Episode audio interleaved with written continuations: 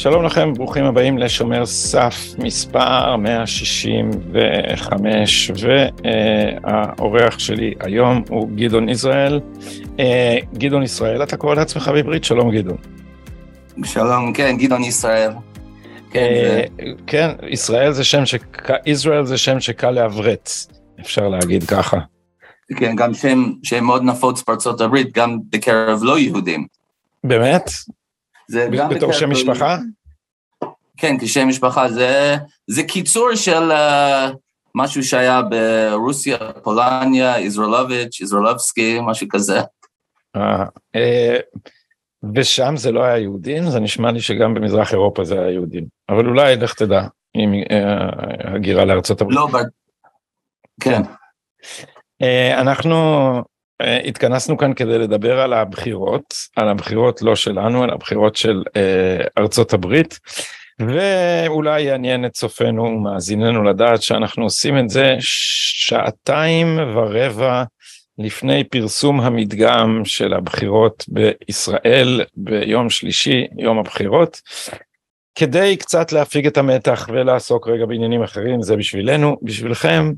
השידור הזה יעלה אולי עוד לפני שנדע תוצאות ממש אה, סופיות.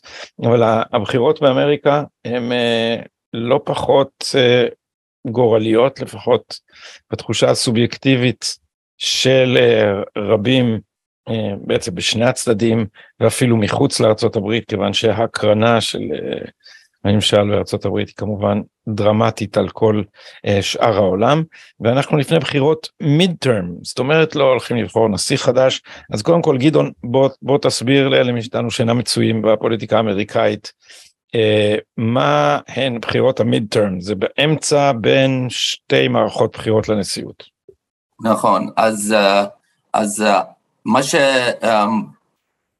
מה שאנחנו מכירים כאן בארץ וגם בממשלות אירופה, שיש uh, הרשות המבצעת, זה, היא בעצם ייצור של רשות המחוקקת. כלומר, ה, יש את הרשות המחוקקת, ומתוך זה יש קואליציה, וזה בעצם הרשות המבצעת, ושני הגופים בעצם אחד הם, אין, אין איזושהי הפרדה. ובארצות הברית יש, uh, יש רשות, רשות המחוקקת, הקונגרס, שזה מורכב מהסנאט ובית הנבחרים, ויש לגוף, יש, הגוף הזה נפרד לגמרי מה, מהרשות המבצעת. כביכול, הרשות המחוקקת יכולה לפעול אפילו בלי רשות המבצעת, אפילו uh, הרי כששני הבתים מעבירים חוק, אם הנשיא לא עושה שום דבר, ופשוט זה נשאר בשולחן שלו יותר מעשרה ימים, זה הופך להיות חוק, וזהו. אז בגלל, אז בגלל שיש את ההפרדה הזאת, אז יש את, ה, יש את בית הנבחרים, ששם יש uh, בחירות כל שנתיים, ובסנאט כל uh, קדנציה זה שש שנים, אבל כל שנתיים שליש מהסנאט עומד לבחירות, כך, ש, כך שכל שנתיים, שוב, יש בחירות לכל בית הנבחרים, 435 מושבים, ושליש, 33 uh, מושבים בסנאט. בסנאט יש 100, בעצם... מה קורה עם ה... מה קורה עם ה... באיזה שנה? הרי 33 זה שליש כמעט, יש עוד uh, מושב אחד ספייר, שלוש פעמים 33 זה 99. כן, אז, אז באחד מהם זה 34, בעצם, בעצם כש, כשהגיעו לסנאט בהתחלה, אז התחלקו לשלוש קבוצות, היה class A, class B, class C, ואז... אה, ואז בעצם class אחד מהם זה 34. גדעון, אני מרוב התרגשות לא הצגתי אותך, אז אנחנו נגיד שאתה אה, מחבר הספר Broken Values ואתה גם uh, עומד בראש ה Jerusalem Washington Center.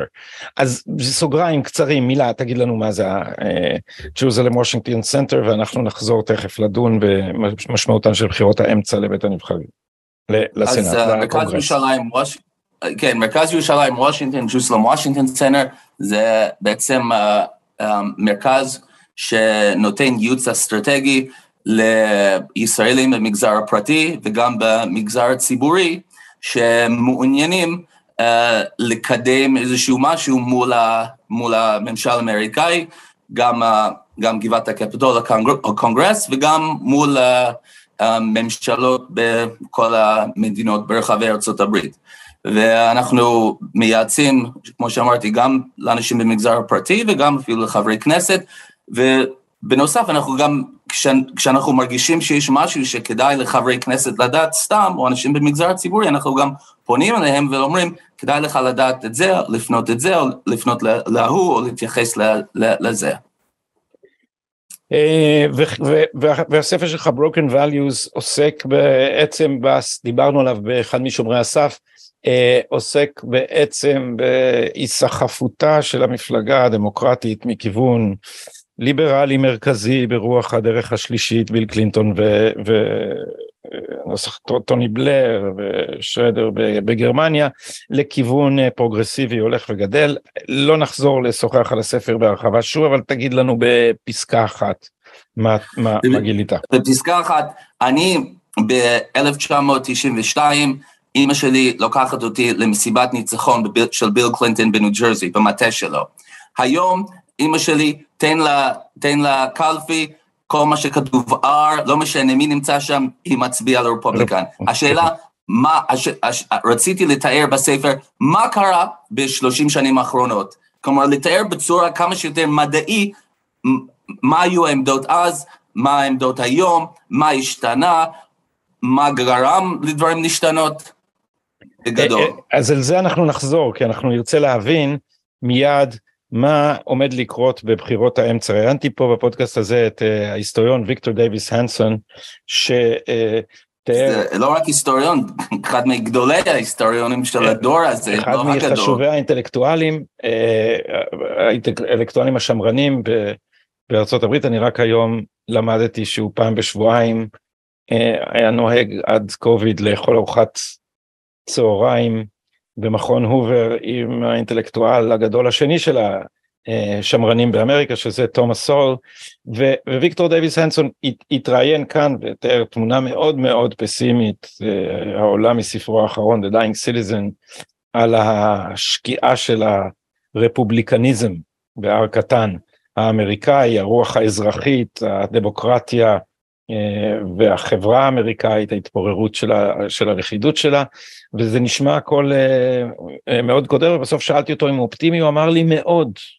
הוא אמר כי בבחירות האמצע היה לפני חצי שנה ארבעה חודשים הוא אמר כי בבחירות האמצע הולך להיות לנדסלייד אנחנו הולכים לקחת את, את שני הבתים את, ה, את בית הנבחרים ברוב גדול וגם הוא אמר את הסנאט אז שאלתי הראשונה האם זה נכון שהימין עומד לכבוש בסערה את שני הבתים לפי דעתך.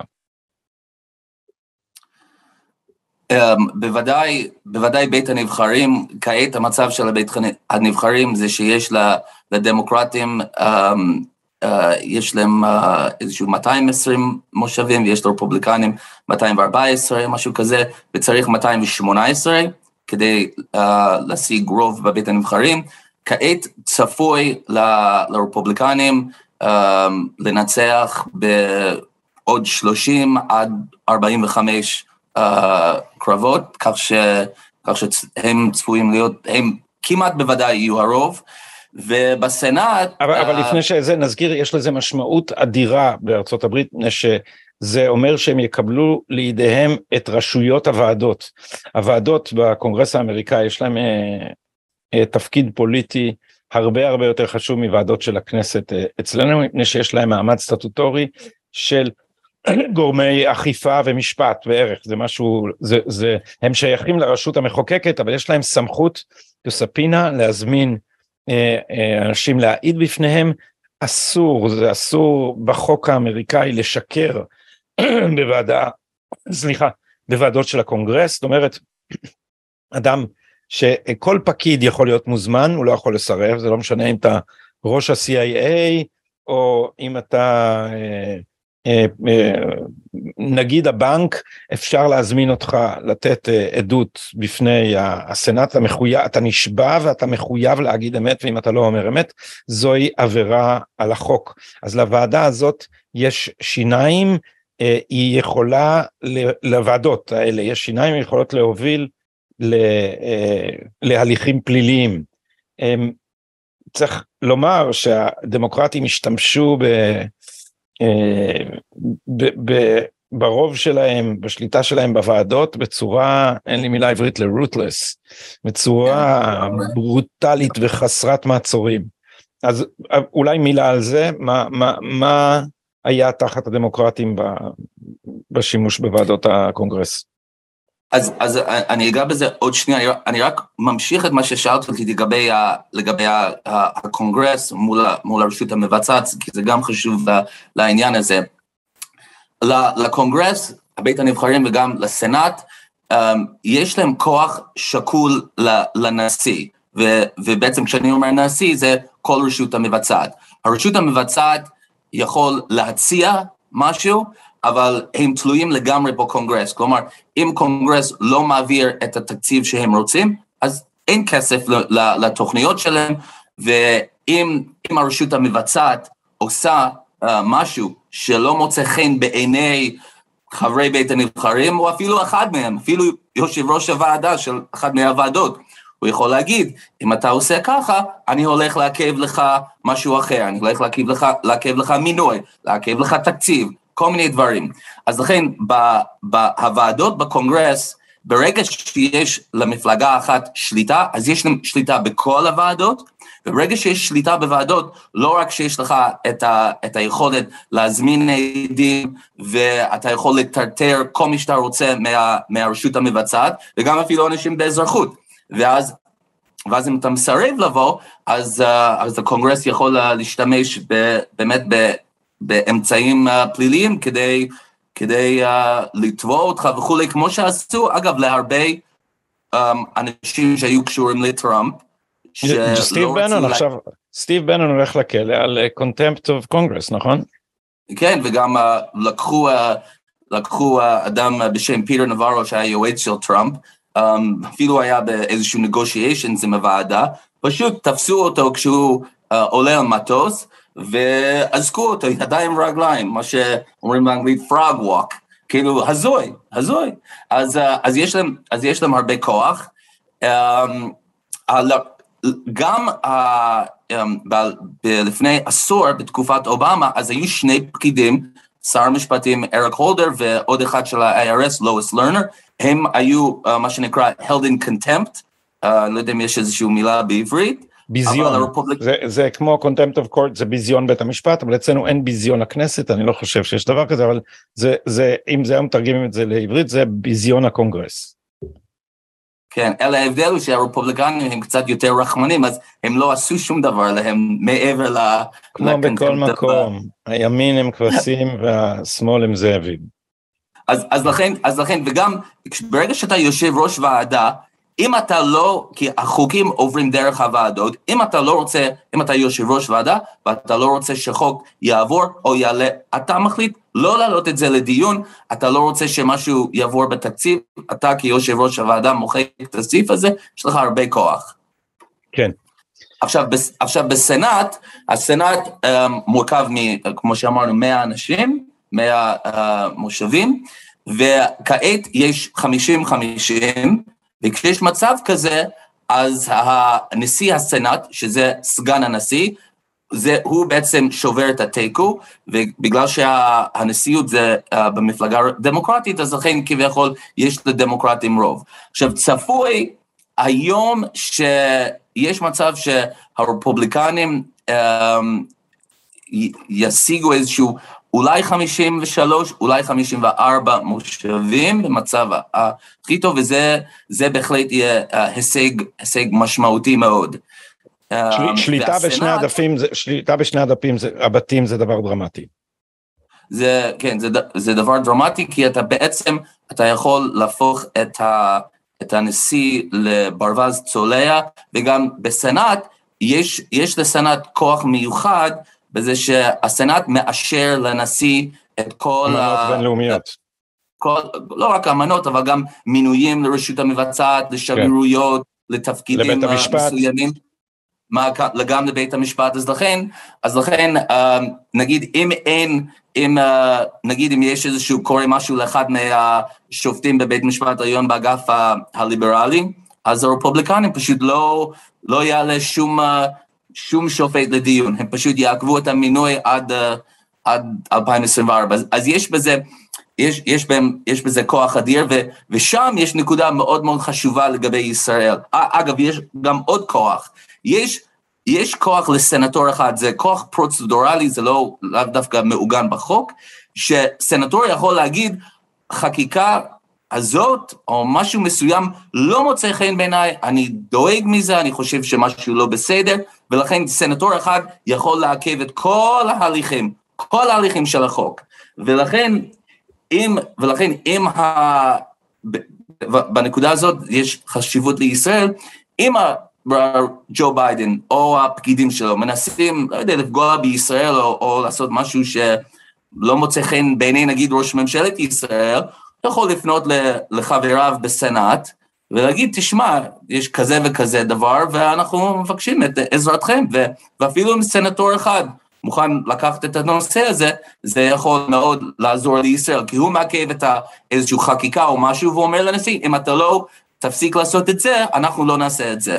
זה... ו- ויש, ויש לנו כמה חברים מאוד טובים בסנאט, אה, אה, עולה על הדעת מיד כמובן אה, טד קרוז, שבעניין הסכם הגרעין האיראני הוא יותר פעיל מממשלת ישראל, ועושה הכל, כל מה שביכולתו כדי להכשיל את החזרה להסכם, בעוד כל מיני, בעוד כל מיני אופנים. אני רק רוצה לפני שאנחנו עוזבים את נושא הוועדות לומר שאפשר לראות את החשיבות של זה, כי איך הם שיתקו את הממשל של טראמפ ב...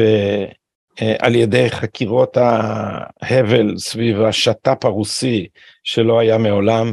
אה, עם פוטין במשך שלוש שנים שיגעו את כל ארה"ב, אם זה מרגע שהם שלטו בוועדות הם, אה, הם יכלו לעשות לו את המוות ואנחנו רואים את זה עכשיו שהם שולטים בוועדות בכל מה שנוגע לוועדת אה, הבירורים על, על השישה בינואר, על הפלישה לגבעת הקפיטול וזה שהאופן שבו פלוסי מנהלת את הדברים לא מאשרים לאנשים שהם לא מאותה עמדה אנטי טראמפית בכלל. כניסה לוועדה ועד עכשיו אכן כל מיני דברים אה, אה, משונים קורים בוועדה הזאת זה נושא נפרד אני מקווה לראיין פה בקרוב את ג'ולי קלי שכתבה את הספר המעניין ביותר על, על, על אה, שישה בינואר אבל אני, אני מעלה את זה כאן רק כדי להראות שיש להם אה, הם, הם יכולים כשהם מנהלים את הוועדה הם יכולים להשתמש בה כדי לקבע נרטיב. אה, ליצור דימוי ציבורי, לבחור את העדים ולעשות אה, הרבה דברים, לכן אני חושב גם הם, הם, הם, הם חוששים מאוד משליטה שתחזור לרפובליקנים על, אה, על ועדה הזאת. לגמרי, וכמו שציינת, המנהיג הרפובליקני בבית הנבחרים ביקש שיהיו אנשים מאוד מסוימים, שלושה או ארבעה בוועדה הזאת, ופלוסי דחה את הבקשה הזאת, ובמקום זה היא שמה איזשהו שניים או שלושה רפובליקנים שממילא הם uh, שונאי טראמפ, והם, והם כאילו מייצגים את הרפובליקנים, וכאילו הוועדה היא bipartisan. Uh, um, ליז צ'ייני ועוד אחרים שהם ה-never trumpers של הימין. וזה חבל מאוד כי באמת חשוב, באמת חשוב לדעת מה קרה באותו יום, מי זה, ש, מי זה שהוביל את ה... מי, מי הוביל את, ה, את הסחף לגבעת הקפיטול, מי נתן להם להיכנס, ואגב, ואגב, בעוד שאנחנו כבר יודעים כביכול כל הפרטים על, ה, על התוקף של ננסי, של, ה, של בעלה של ננסי פלוס לפני יומיים, אנחנו עוד לא יודעים מי שם את, ה, את הפצצה במשרדי ה-DNC וה-RNC באותה, בלילה לפני הפלישה אה, לגבעת הקפיטול, למי שלא זוכר, אמרו, מצאו איזושהי פצצת צינור כזה, ושוב, עדיין לא, לא מצאו מי עשה את זה, אז uh, זה חבל. אז עכשיו, בית הנבחרים פחות או יותר סגור, אני לא ראיתי אף אחד שמערער על זה ש... שהוא עומד לחזור לידיים רפובליקניות, אבל שמעתי אנשים שאומרים שהשאננות של הימין לגבי הסנאט היא מופרזת. אה, אתה רוצה להגיד לנו אה, כמה מילים על איפה זה יוכרע, מה בכל זאת הסיכוי שאולי זה לא יקרה, אה, מה הם המושבים הקריטיים בסיבוב הזה? אז ככל הנראה, בכל, ה, בכל המקומות שהרפובליקנים מחזיקים את המושב, כנראה, כלומר, היה לפני כמה שבועות, היה נראה קרב צמוד באוהיו, צפון קרוליינה, פלורידה, אבל היום זה כבר נראה כאילו כמעט uh, ברור שהרפובליקנים הולכים להחזיק את המושב שם. מה השתנה? יש... מה השתנה במקומות האלה? אז uh, מה השתנה? Uh, המצב, המצב הכלכלי, uh, המצב הכלכלי, המצב, uh, כמה עולה למלא, uh, עלות הדלק, כן, עלות, עלות האינפלציה. הנושאים הכי חשובים לאמריקאים, חוץ מהדמוקרטים, זה האינפלציה, הכלכלה ו, ופשע. ופשע ועבריינות. הגירה זה אחרי, אבל אלה השני נושאים הכי חשובים, ולעומת זאת הדמוקרטים, הנושא הכי חשוב זה הפלות. אבל, אז לכן, גם כמו שדיברנו לפני, לפני הפודקאסט, אמרתי לך שיש שני נרטיבים בסקרים. יש סקרים שכאילו מראים שבאמת היה הרבה יותר צמוד, או שהדמוקרטים היו מובילים, ואז קרו כל מיני דברים, ו, ועכשיו זה קרב צמוד, או רפובליקנים מובילים. ויש, ויש כאלה, במיוחד חברת טרפלגר, והם, ואני אומר שהם החברה הכי אמינה באיזשהו שש-שבע שנים האחרונות מבחינת הסקרים, והם אמרו שזה תמיד היה קרב צמוד. תמיד היה קרב צמוד, ו, ופשוט מה שחברות סקרים um, uh, עושות, זה שכאילו הם, על ידי הסקרים אפשר ליצור מצב רוח. ברגע שאתה, נגיד לדוגמה עכשיו, במושל ניו יורק, יש קרב צמוד בין זלדן הרפובליקן, יהודי, והוקל הדמוקרט. ברגע שאתה מראה סקר שאומר שהוקל הולכת לנצח ב-15 אחוז, טוב, מי, מי, למי כבר אכפת? זה כבר למי אכפת? אבל ברגע שזה קרב צמוד, אנשים מתייחסים לזה אחרת לגמרי. אז לכן, אמ, אז לכן הרפובליקנים הולכים לנצח בכמעט כל המושבים שמחזיקים, הספק היחיד זה בפנסילבניה, ששם זה קרב מעניין ביותר, כי יש אחד, um, אז, ממת אז, דוקטור אז, רופא uh, קרדיולוג, והוא מול הסגן, סגן המושל, ג'ון פדרמן. עכשיו, האיש הזה, ג'ון פדרמן, הוא לא רק נראה מוזר, האדם מאוד מוזר, הוא, הוא היה תלוי בהורים שלו עד איזשהו גיל 40 ומשהו, הוא מעולם לא, לא עבד בחיים שלו, חוץ מ... Uh, הוא, היה, הוא היה ראש עיר של איזשהו uh, um, עיירה נידחת באיזשהו מרכז פנסילבניה, ו... ואז הוא הפך להיות uh, סגן המושל, אבל בכל אופן האדם הזה הוא מאוד, הוא אפילו יותר קיצוני מברני סנדרס. זה נקודה אחת. נקודה שנייה והיותר מעניינת... It figures, לא? הוא סוציאליסט קיצוני והוא, והוא אף פעם לא עבד בחיים שלו. לגמרי, הוא... ו, והנקודה השנייה זה שהוא עבר איזשהו התקף לב, ממש יומיים לפני הפריימריז, והיום, אפשר להגיד לצערנו, הוא לא, הוא לא החלים, והוא לא יכול לחבר משפטים ברורים. ו, וה, והוא, הוא, אם, אם שמים אותו ליד ג'ו ביידן, ג'ו ביידן נראה טוב, הוא, הוא, נראה, הוא נראה כמו... רענן וצעיר. רענן וצעיר וזה, האדם הזה לא מצליח לחבר משפטים, עד כדי כך שכשראיינו אותו um, ב-MSNBC וגם ב debate עצמו, היו צריכים לשים מסך מאחורי המראיינים, מאחורי השואלים, כדי שהוא יכול לקרוא את מה שהם אומרים לו, כדי כדי לעשות את ה processing, כדי להבין, להבין מה קורה. אז, אז, אז הולך להיות, יכול להיות בן אדם שלא מתפקד, לא מתפקד, לא, אפילו המראיינת של NBC אמ, אמ, אמרה, הוא לא מצליח לעשות small talk כזה. אז, אז, אז האדם הזה, זה, זה מי שהדמוקרטים שמים, הוא בקושי יכול לתפקד, ו, הוא המועמד לסנאט מול אז. עכשיו, זה קרב צמוד מאוד, ו, ואחד מהנושאים המעניינים, אז למה, הבן אדם הזה, אפשר לראות ממי שם עליו כסף, אפשר להבין למי זה חשוב שהוא ינצח. Planned Parenthood, שזה ה... Uh, שהם, אפשר להגיד, הם מובילי תעשיות ההפלות בארצות הברית, הם שמו עליו, או בפרסומות נגד, uh, נגד אז, יותר מארבעה מיליון דולר. עכשיו, כל הסנטורים האחרים, הם שמו אולי, אולי 500 אלף דולר או פחות, כי בשביל, ה, בשביל התעשיית ההפלות הוא רכבת, הוא, הוא הרכבת, הוא יכול להיות רכבת לעשרות שנים להביא להם תקציבים, להביא להם את כל מה שהם צריכים. הוא, הוא אדם מאוד קיצוני בנושא ההפלות וגם בשאר הנושאים. אז זה קרב, זה קרב מאוד צמוד, זה מאוד מעניין, זה חשוב לרפובליקנים. Uh, סך הכל בין הדמוקרטים והרפובליקנים שמו בערך 100 מיליון דולר על הקרב הזה.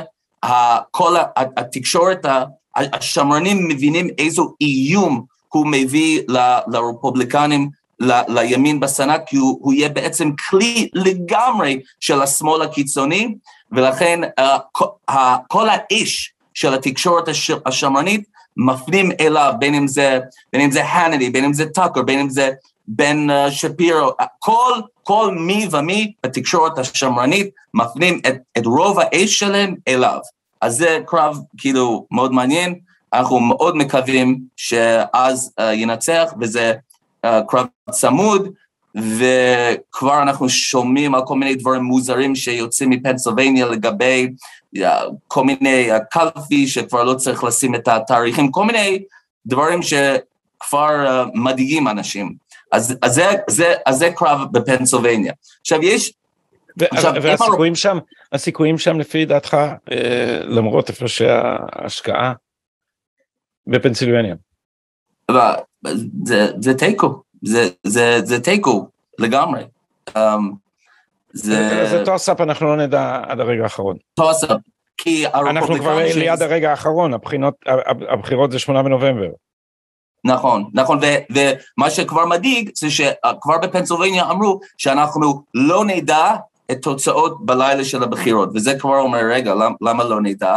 כי ואז מחכים, מחכים, כמו, כמו מקווים שלא לא יקרה כמו, שעבר, כמו שקרה פעם שעברה, שלטראמפ בליל הבחירות היה לו, um, הוא הוביל באיזה 700 אלף קולות, ואז במהלך ארבע ימים הגיעו עוד ועוד ועוד, וכל הקולות שהגיעו בערך בהפרש של 80 אחוז ל-20 אחוז לטובת הדמוקרטים, אז, אז זה קרב מאוד מאוד חשוב, ואם הרפובליקנים מנצחים שם, אז הם חייבים רק לנצח בעוד מקום אחד, בכל רחבי ארצות הברית, מבחינת הסנאט, ויש יש קרב צמוד בנבדה, uh, רוב הסקרים מראים שה, שהרפובליקן מוביל באחד, בין אחד לשני אחוז, בנבדה.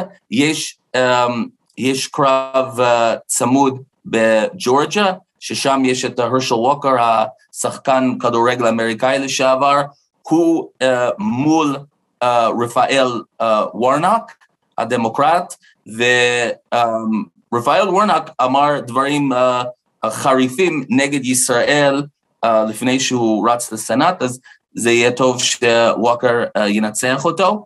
ויש גם קרב צמוד עכשיו באריזונה, uh, מישהו בשם בלייק מאסטרס, uh, ממש קרב צמוד עם, עם הדמוקרט האסטרונט uh, מרק קלי, ו, ויש סיכוי שהרפובליקנים um, ינצחו בכל שלושתם.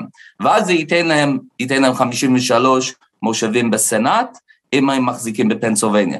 עכשיו, מה, ש, מה שמראה שאולי יש באמת גל רציני, זה דווקא הקרב במדינת וושינגטון, לא וושינגטון די.סי, מדינת וושינגטון, שזה בחוף המערבי של ארצות הברית, שם יש את העיר סיאטל. בכל אופן, במדינה הזאת, במושב, uh, מי שמחזיק את המושב זה הדמוקרט, בשם, דמוקרטית בשם פאטי מורי, והמושב בסנאט הזה נמצא בידי הדמוקרטים מאז 1987. זאת אומרת, 30, 35 שנה בערך. אז אם הרפובליקן ינצח שם, ועכשיו לפי טרפלגר קרב צמוד, הדמוקרט מוביל, מובילה באחד, באחוז אחד, אם הרפובליקנים מנצחים שם, זה כבר אומר, וואו, יש גל מאוד מאוד רציני.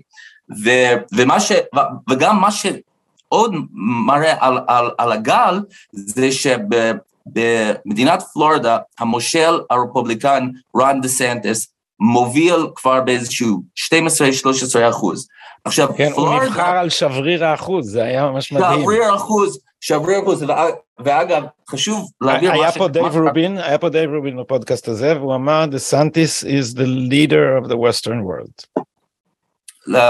כן, כן, הוא, מה שהוא עשה, מה שהוא עשה בפלורידה זה מדהים, מדהים, כי בדרך כלל, מה קורה? או שיש, או שיש, um, יש רפובליקנים שמנצחים במדינה אדומה כמו דרום דקוטה או איפשהו במידווסט, ואז מושלים, המושל הוא, הוא מושל כמו שמרן, וזה לא, לא קשה, כי רוב המדינה היא שמרנית. אבל דה סנטס לקח מדינה שהיא חצי, חצי רפובליקן, חצי אדום, חצי כחול, והוא, והוא מושל כמו שמרן, והוא מראה את, ה, מראה את היתרון של השמרנות מעל, מעל פני השמאלנות, כי הוא הצליח, הוא הצליח בפנדמיק, במקום, בזמן שברוב כן. המדינות סגרו את הבתי ספר, סגרו את הכלכלה, סגרו הכל, הוא ניהל את, ה, את המדינה שלו בתבונה, שמר על, על הזקנים, איפה שאין אין יותר מדי סיכון בילדים, הוא, הוא השאיר את הבתי ספר פתוחים וכולי, הוא לא כפה לציבור um, מסכות, והתוצאות לא היו פחות טובות ממדינות אחרות שסגרו הכל. וגם צריך להגיד, כלכלית, הוא קודם כל, הוא, הוא בעניין, אה, בענייני זכויות הפרט, חופש הביטוי, Second Amendment, בכל הדברים האלה, הוא מתנהג כשמרן מובהק, וחשוב ביותר מבחינת מיסים. אז בעוד uh, כל מיני uh, uh, עסקים, כולל עסקי בידור, אה, שבאופן מסורתי היו בלוס אנג'לס, אה, נמלטים מהמדיניות הפרוגרסיבית של מושל קליפורניה דווין ניוסם, שהפך את קליפורניה בחלקים גדולים ממנה פשוט לגיהנום, נכון. נמלטים ל... לפלורידה של רון דה סנטיס והזכרתי את השיחה עם דייב רובין, אני פגשתי את דייב רובין אה, פנים אל פנים פעם ראשונה בכנס של ה NatCon של ה-National Conservatives כן. של יורם חזוני באורלנדו והוא בדיוק ניצל את ההזדמנות כדי לחפש בית במיאמי. אה, הוא אז מצא וחתם תוך כדי הכנס ואמר עוברים, לדס, עוברים ל DeSantis Land. במקומות אחרים אז זה באמת ורון דה סנטיס עכשיו נחשב אה, לא יודעים מה יקרה אם טראמפ ירוץ, אבל נחשב למועמד מוביל, עם, אה, אה, ולא שמעתי עוד מישהו, לפחות לא בימין, שאומר שאם דה סנטיס ירוץ הוא לא יזכה. זאת אומרת, חושבים שדה סנטיס יכול לקחת בהליכה את הנשיאות מג'ו ביידן אם הוא ירוץ שנית. לגמרי, וגם, וגם רק נקודה אחרונה לגבי דה סנטיס, מאז בשלוש מערכות בחירות האחרונות, תמיד הקרב בפלורידה היה צמוד, אחד אחוז בכל מערכת בחירות, והיום הוא מוביל ב-12 אחוז, ב-12 אחוז זה, זה, זה, um, זה דבר מדהים, לא היה, לא היה רפובליקן שהוביל בצורה כזאת מאז 2006, הוא הפך את המדינה, מדינת פלורידה כבר לא נחשב מדינה מתנדנדת. ו, ואגב, גם, גם התגובה שלו לסופת איין גם שכנע הרבה שבואנה, יש כאן אדם, עזוב, עזוב מה המדיניות שלו, הפלות, Second Amendment, הוא יודע איך לתפקד. כאילו. כן, הוא יודע איך לנהל. אני ראיתי אותו באיזה מסיבת עיתונאים על איין, מי שניסה לקחת אותו להגיד משהו, לגרור את זה למקום פוליטי, הוא פשוט נפנף אותו, יש לו, יש לו תכונה לא מאוד נפוצה בימין, אה, של ביטחון עצמי, השמאלנים לא מצליחים להיכנס לו מתחת לאור, הוא לא, מצד שני התגובות שלו הן לא טראמפיות, הן לא קיצוניות של, אה, להתחיל להתכתש איתם בטוויטר אבל הוא מתנהג ב, בסמכות ובביטחון עצמי. גדעון אני רוצה לשאול אותך על, במבט כללי אלא אם כן עוד קרבות של הסנאט שאתה חושב רוצה להזכיר לפני שאנחנו עוזבים את הנושא. יש, יש, יש עוד ויש עוד קרב uh, בניו המשר ש, שזה נחשב uh, מדינה uh, מתנדנדת שם יש מושל רפובליקן ושני סנטורים דמוקרטיים אבל um, אבל זה, אבל זה קרב בין uh, um, הסנטור מגי הסן, דמוקרט, ואלוף לשעבר בצבא ארצות הברית, דן בולדק, וכעת גם שם הדמוקרט מובילה באולי שני אחוז. עכשיו, אם הרפובליקנים יעשה סוויפ, מה שנקרא, בכל, ה, בכל הקרבות, מה שהזכרתי, ויהיה להם איזשהו 55, זה יהיה, um, זה יהיה uh, דבר מדהים. Um, ו... ואגב, חי... חייבים לציין שכמו ש... כמו שיש לנו גם בישראל קרבות בתוך הימין, שמי מי יותר ימין, מי פחות, מי, מי פחות ימין וכל הדברים האלה, יש אותו דבר במפלגה הרפובליקנית. ו, ולכן מה שמעניין, שיש um, כמה וכמה מועמדים שהם מועמדים של טראמפ. המועמד בניו המפשר זה מועמד של טראמפ. מועמד באריזונה זה מועמד של טראמפ, בפנסילבניה זה של טראמפ, בג'ורג'ה זה של טראמפ. אז uh, זה סוג של uh, רפובליקנים קצת אחרים מה, מהרפובליקן המסורתי, אבל בכל אופן, מה אמרו שם? אמרו, אי אפשר לתמוך במועמדים של טראמפ, הם יותר מדי קיצוניים, הם יותר מדי שמרנים, ובסופו של דבר הם ניצחו בפריימריז, ואחד לאחד הם מראים ש... אם אתה מועמד טוב, שיכול להבהיר את העמדות שלך ולהבהיר מדוע זה הגיוני מה שאתה חושב, אתה יכול בסופו של דבר למשוך את התמיכה של אנשים.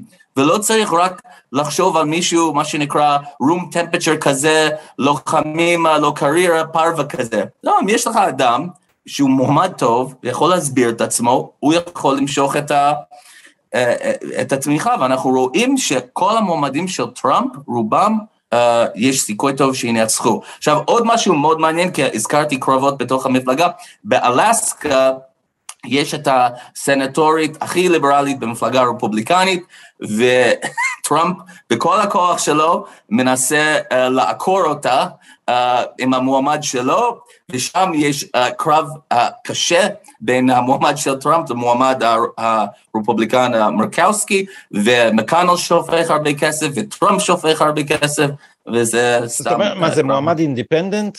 יש לו מועמד uh, חיצוני? זה... אתה מדבר על זה או שזה קרב פריימריז, הפריימריז נגמרו. לא, זה, יש, יש, uh, יש סוג אחר של הצבעות שם, ש... כאילו זה הצבעה ב, בהד... כאילו בדרג, אתה מצביע מהעדיפות הראשונה, מהעדיפות שנייה, אז, אה, אז כאילו המפלגה הרפובליקנית נגד המועמדת מרקאוסקי, שזה המועמדת של מקאנל, והם בעד המועמד של טראמפ. היא חוללה, אז... היא חוללה לא מעט בעיות בסנאט. וגם הצביעה על מינוי קוונו, היא עשתה, היא עשתה כבר, אה, היא עשתה נכון. בעיות מסוגים שונים.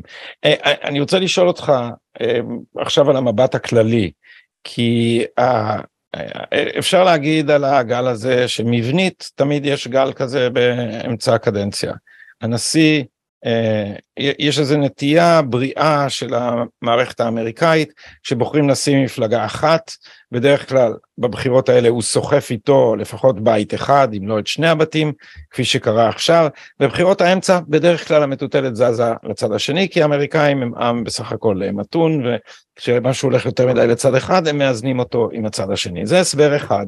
הסבר שני הוא שפה קרה אה, משהו אחר מפני שאמריקה מחולקת לשני מחנות יריבים כפי שלא הייתה מאז אה, מלחמת האזרחים, עם אה, שנאה רושפת אה, משני הצדדים, והמפלגה הדמוקרטית בתנאים האלה, אז התנאים האלה לא מזמינים מטוטלת מהסוג שדיברתי עליה, אלא מה שקורה עכשיו הוא שהמפלגה הדמוקרטית התבררה פתאום כרדיקלית כל כך שרוב האמריקאים זה לא מוצא חן בעיניהם האופן שמנהלים את החקירות על אה, ינואר 6 לא מוצא חן בעיניהם יש אה, רדיפה הולכת וגוברת של האופוזיציה באמצעים חוקיים קוראים להורים ב-PTAs, בוועדות האלה שיש להם של הורים מורים, קוראים להם דומסטיק טרוריסט, ואסור לקרוא תיגר על אידיאולוגיית הג'נדר, ואסור להגיד שאולי היו אי סדרים בבחירות, וה-FBI רודף אנשים שהעבירה שלהם זה trespassing, שהם עברו מחסום בגבעת הקפיטול בלי שום נשק, בלי שום דבר, והם יושבים בצינוק במשך אה, חודשים, ואחר כך מקבלים אה, עונשים כאילו מדובר ברוצחים. והגבול והאינפלציה והפשע אה, ויש שאומרים הציבור האמריקאי פשוט נתן למפלגה הזאת צ'אנס והתאכזב ממנה. אני שואל ככה כי זה הספר שלך, Broken Values. אה, אמ, נקודה, קצת נקודת רקע, עד, עד, אה, עד התקופה של ביל קלינטון, um, היו בעצם שתי תקופות בהיסטוריה של ארה"ב מאז מלחמת האזרחים. ממלחמת האזרחים עד בערך 1930, הסנאט ובית הנבחרים לרוב הם בידי הרפובליקנים, שאגב אז הרפובליקנים היו יותר פרוגרסיביים. מ-1931 עד 1995, כלומר 62 שנה בערך, בית הנבחרים נמצא בידי הרפובליק... הדמוקרטים 58 שנים, אוקיי?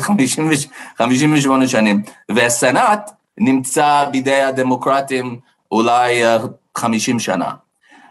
רק ב-30 שנים האחרונות יש את המטוטלת uh, שכל כל בין 4 עד 10 שנים ההנהגה מתחלפת או הרוב מתחלף מהדמוקרטים והרפובליקנים. זה רק נקודת רקע. עכשיו, מה, ש, מה שקורה בבחירות האלה, זה שהאמריקאי הפשוט הוא אדם הגון מאוד, הוא אדם הגון מאוד, רוצה שיהיה לך טוב, שתחיה איך שאתה רוצה לחיות, כאילו בסדר, אתה רוצה נישואין uh, בין, בין שני גברים, כאילו בסדר, אוקיי, אתה רוצה כזה, בסדר. אבל הדמוקרטים הפכו את המצב שכבר בבתי ספר מלמדים, מלמדים בני, בני כיתה א', כיתה ג', כבר מלמדים אותם על, על אידיאולוגיה של, של טרנסג'נדר ושל הומואים ושל אולי אולי uh, הם עדיין יכולים לברר את, uh, את, uh, את המין שלהם, אם הם זכר או, או, או נקבה. כן. ו, וזה, ואז כש, כשבאו הורים למחות בזה, אז פשוט ב... ב בפרנט, בסקול בורד מיטינגס, בוועדות האלה של, ה, של המחוז, פשוט ביזו את ההורים, לא, לא נתנו להם לדבר, ו, והיה את ה, ה, ה... כאילו המשרד המשפטים כבר התחיל לחקור את, ה, את האנשים שמגיעים כדומסטיק טרוריסט, וכאילו בגלל שהם צועקים ולאו דווקא מאיימים, אבל לא מוצא חן ביניהם, מה, מה קורה לילדים שלי? אני בסך הכל רצו שהם יגיעו לבית ספר וילמדו מתמטיקה, ילמדו היסטוריה. אז, אז, אז זה נושא אחד. ונושא שני זה שברגע ברגע שהמצב הכלכלי הוא מאוד מאוד קשה, האינפלציה זה קרוב לעשרה אחוז, פתאום במקום, במקום, פתאום דלק, למלא דלק עולה במקום, לא יודע, 25, 30 דולר, פתאום זה עולה 60, 70, 80 דולר. אה, למלא מכל, כן, אנחנו כן. רגילים למחירים אחרים, אצלנו זה הרבה הרבה יותר. המחיר הכי גרוע בארצות הברית זה עדיין יותר נמוך מהמחיר כאן. יותר נמוך פי כמה, זה לא יותר נמוך, זה יותר נמוך בסדרי גודל. אמריקאים רגילים... כן. וגם כדאי לציין ששם אין פיקוח על המחירים, לכן אני יכול ללכת לתחנת דלק ב, ב, ברחוב אחד, ויש מחיר אחר בתחנת דלק ב, ברחוב אחר. בכל אופן, כשהם רואים שהבסיס של החיים שלהם, שלא לדבר, שלא לדבר, שלא לדבר על, על, על הפשיעה, uh, שלא לדבר על הפשיעה, um, כשהם רואים שהיסודות שה, של החיים שלהם מתערערים, אז, אז כבר לאנשים, uh, מה שנקרא האינדפנדנס באמצע, הם כבר אומרים, רגע, מה, מה, מה קורה כאן? ו, ובנוסף לזה, בנוסף לזה יש את, ה, יש את ה, um, השחורים, שמאז um, מאז שנות ה-60 הם הצבעה בטוחה לדמוקרטים, פתאום 20 עד 30 אחוז מוכנים להצביע רפובליקן בגלל כל מה שקורה, וזה משהו דרמטי. בדרך כלל מועמד רפובליקן מקבל 10 אחוז של, ה, של ההצבעה השחורה, ש, ו, ו, ובנוסף לזה, כל הלטינוס שהגיעו לארה"ב באופן חוקי ועבדו קשה, לא מוצא חן ביניהם כל, ה, כל ההגירה הבלתי חוקית, ש, שזה, שזה מביא, מביא פשע, ועכשיו יש, יש כמובן טענה ש, שבסדר, הרוב הם אנשים שרק רוצים לחיות, נניח, אבל ברגע שיש לך, ברגע שיש לך נגיד שני מיליון שמגיעים באופן לא חוקי, ונניח, נניח שחמישה אחוז, חמישה אחוז הם פושעים, נגיד ששתי אחוז פושעים, זה כבר 40-50 אלף פושעים שמגיעים לארה"ב, זה המון, זה המון. זה כמו שפעם פעם בן שפירו אמר, הוא אמר, תשמע, יש כאלה שאומרים שבכל רחבי העולם, המוסלמים, יש רק איזשהו עשרה אחוז שהם קיצוניים או משהו כזה. אז הוא אומר, אוקיי, אם יש מיליארד, עשרה אחוז, זאת אומרת שיש מאה, מאה מיליון קיצונים, זה הרבה, זה, כן. זה, זה מספר רציני. אז... אה, אבל אולי, אולי זה הולך יותר עמוק, אולי אה, המפלגה הדמוקרטית, התפנית הפרוגרסיבית שלה, לקחה אותה למקום שהוא ממש שנאה עצמית, שהוא ממש, אה, עכשיו יצא ספר של, של הסנטור תום קוטון, שנקרא Only the Strong נדמה לי, שבעצם אומר שהמטרה של המפלגה הדמוקרטית היא החלשת אמריקה בשם רגשות האשמה, על הקולוניאליזם, על הגזענות, על האפליה, על כל הדברים האלה, היא ממש פועלת באופן אנטי אמריקאי. אני אגיד לך איפה, אני ראיתי את זה כי כמובן מי שעומד בראש הטרנד הזה, תלמידו המצטיין החשוב ביותר של אדוארד סעיד זה ברק אובמה. שבוועידה של המפלגה הדמוקרטית האחרונה נתן נאום מלא בפאוזות הדרמטיות האלה שלו, באמצע כמעט בכה וזה וזה, והוא אמר, כל אחד מאיתנו היה פעם מיעוט, כולנו הגענו לאמריקה ואז דרכו עלינו, הפלו אותנו, הדירו אותנו, ירקו עלינו, קיללו אותנו, ואז כל אחד מאיתנו סבל את, את הדבר הזה, כולנו מיעוטים. כשאתה מקשיב לנאום הזה, אתה אומר, מי זה זה שדרך עליהם, דיכא אותם, הדיר אותם, זה, זה אמריקה. הדבר הרע בעיני אובמה זה אמריקה. הדבר הטוב זה הקורבנות של אמריקה. ולכן את כל המדיניות היה צריך להבין כך. ואומר אה, הספר של קוטון, אני רק שמעתי אותו מתראיין אצל מרק לוין, עוד לא ראיתי את הספר, הספר רק יצא, אה, בו הוא אומר, זה לא מקרה, הדמוקרטים מבקשים להחליש את אמריקה, הם פוגעים במתכוון בכור ההיתוך שלה, הם פוגעים במתכוון במעמד המוביל שלה, ב-arrogance of power, כמו שקרא לזה אובמה, במעמד המוביל שלה בזירה הבינלאומית, הם אה, פוגעים בכלכלה שלה, הם, הם רוצים להעביר חלק מהכוח לקהילה הבינלאומית, לסין, לאיחוד אירופה, למקומות אחרים. האם המפלגה הדמוקרטית פשוט לא הפכה אנטי אמריקאית? אז, אז, אז בזה יש, אני, יש, ואתה כמרצה הרבה שנים באקדמיה, אני מניח שאתה מבין את זה שיש תמיד הכוח המוביל שמוביל באיזשהו, הכוח הפורץ באיזושהי אידיאולוגיה, ו... ואז יש כל מיני אנשים ששומעים שברירים של האידיאולוגיה ואומרים, ומלבישים את האידיאולוגיה במילים יפות או מילים שנשמעות לאדם הפשוט, ו... Um, ואני חושב שצריך להבדיל בין, בין, בין, בין שני אלה. הבסיס הקשה, הבייס הקשה של המפלגה הדמוקרטית, ואגב, אלה שבאמת כותבים את המצע בכל מיני נושאים, um, אתה, אתה רואה באמת במצע האחרון את הביקורת הקשה, uh, הקשה נגד הברית, ו... Um, אבל אבל אני, אבל הדמוקרטה, הדמוקרטה פשוט כאילו, אולי... אולי המצביע או הפוליטיקאי? כשאתה אומר פשוט, אתה מתכוון למי מהם?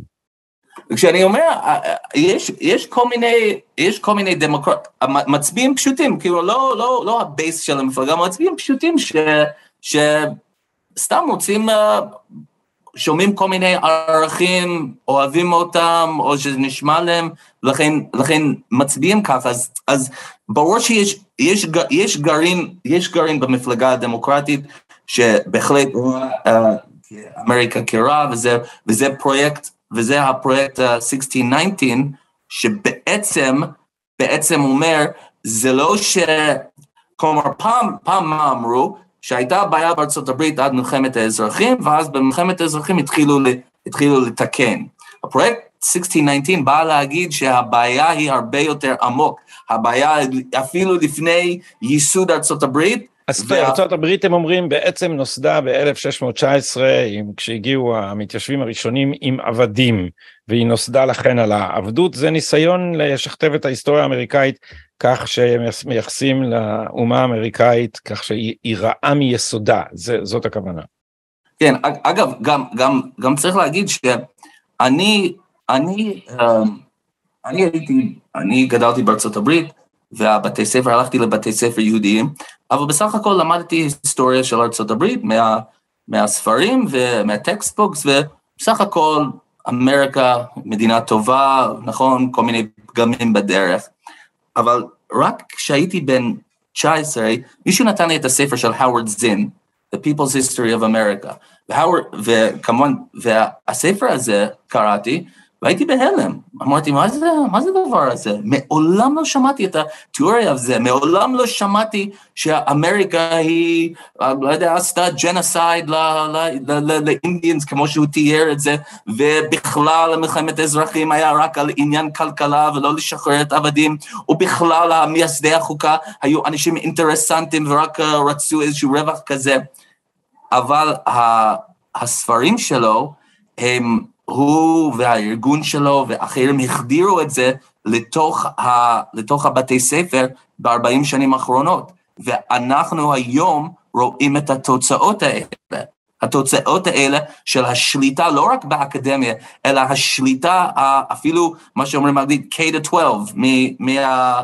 על, על, על תוכניות הלימודים של בתי הספר מכיתה א' עד, אה, עד כיתה י"ב ואנחנו מכירים את הנזק אני אמליץ בהזדמנות זו על ספרו של מייק גונזלס The Plot Against America על, אה, על רב תרבותיות והניסיון לפרק את האתוס האמריקאי. שם פרק על, אה, על האוורד זין ועל כל השמאל החדש ועל ה...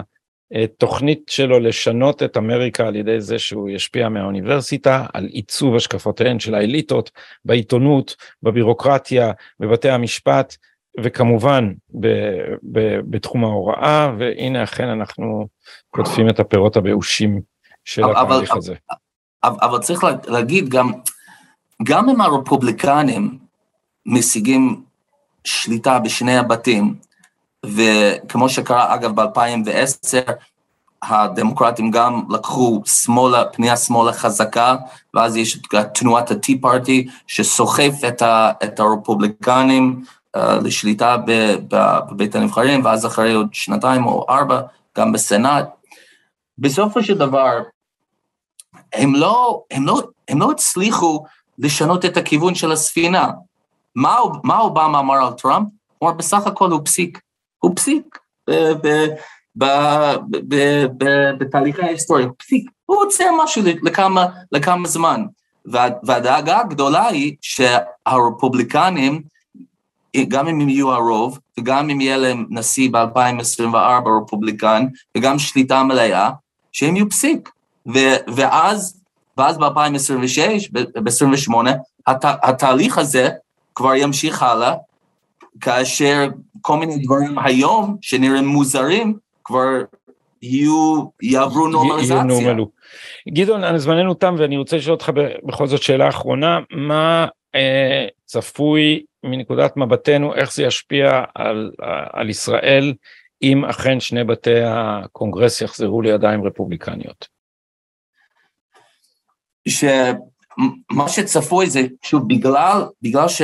לא כמו רוב בתי המחוקקים בעולם, בית המחוקקים של ארה"ב, הקונגרס, גם עוסק במדיניות חוץ. הם עוסקים במדיניות חוץ, והם, והם אה, גם הראו את כוחם בכל מיני מלחמות ש, שהקונגרס עצר אותם, עצר את התקציבים, ולכן נגמר המלחמה עבור, עבור הנשיא הברית. ולכן בגלל שהקונגרס שה, פועל בזירה הבינלאומית, עבורנו, אם, אם הרפובליקנים משיגים שליטה, אנחנו, ו, והממשל ביידן ממשיך ללחוץ עלינו ו, ובכל מיני תחומים, אנחנו צריכים לדעת איך להשתמש בקונגרס, איך לפנות אליהם. אני אומר את זה בצער רב, חברי קונגרס, חברי כנסת שלנו, לרוב, כאילו, כשאתה מדבר איתם להיפגש עם חברי קונגרס, הם לא מבינים את המשמעות. הם לא מבינים את המשמעות. הם לא, בכלל לא מבינים. ו... גם יורם מטינגר מתלונן על זה, יורם מטינגר אתה ודאי מכיר. כן, הוא ראש החץ בנושא הזה והוא מדבר כל הזמן על זה. אז אני מקווה, ש, אני מקווה שאנחנו נדע לפנות לקונגרס ו, ול, ושנביע את דעתם איפה שיש מהלכים של ממשל ביידן שמסכנים אותנו או עושים לנו בעיות. וזה, וזה, כן. וזאת החשיבות, גם, וגם הרפובליקנים, כמובן, הם יהיו הרבה יותר קשוחים בנושא האיראני, הם רואים עין בעין, הם יכולים להטיל סנקציות על, על איראן, גם אם הנשיא לא רוצה, אז uh, זה, יש, יש בזה גם חשיבות, ואנחנו אנחנו מקווים ש, שגם הרפובליקנים uh, יקרינו חוזקה של ארה"ב, גם גם אם ביידן מקרין חולשה. אז זה גם חשוב. וכמובן יש גם, ברגע שהרפובליקנים ברוב, יש גם הרבה יותר אפשרויות לשיתופי פעולה, um, בנושא של יהודה ושומרון, אפשר לפנות אליהם, לדבר איתם על הנושא הזה, ש... שהאו"ם והממשל ביידן לא, לא יגנו אותנו בנושא הזה, לא ילחצו עלינו בנושא הזה. הרבה, זה, זה, זה חשוב מאוד בשבילנו. אה, גדעון ישראל, תודה רבה לך. אה, גדעון ישראל, ראש מרכז ירושלים וושינגטון. אה, אני מודה לך מאוד על השיחה הזאת. אנחנו עכשיו שעה ועשרים לפני המדגם בזמן ההקלטה. אני מקנא בכם, צופינו היקרים, שאתם כבר אחרי המתח הזה וכבר יודעים את התוצאות, אבל עד שאתם תאזינו גם אנחנו נדע. תודה גדעון, אנחנו תודה. נשוחח שוב בעניין הזה עצמו. להתראות. בעזרת השם, להתראות, לילה טוב. לילה טוב.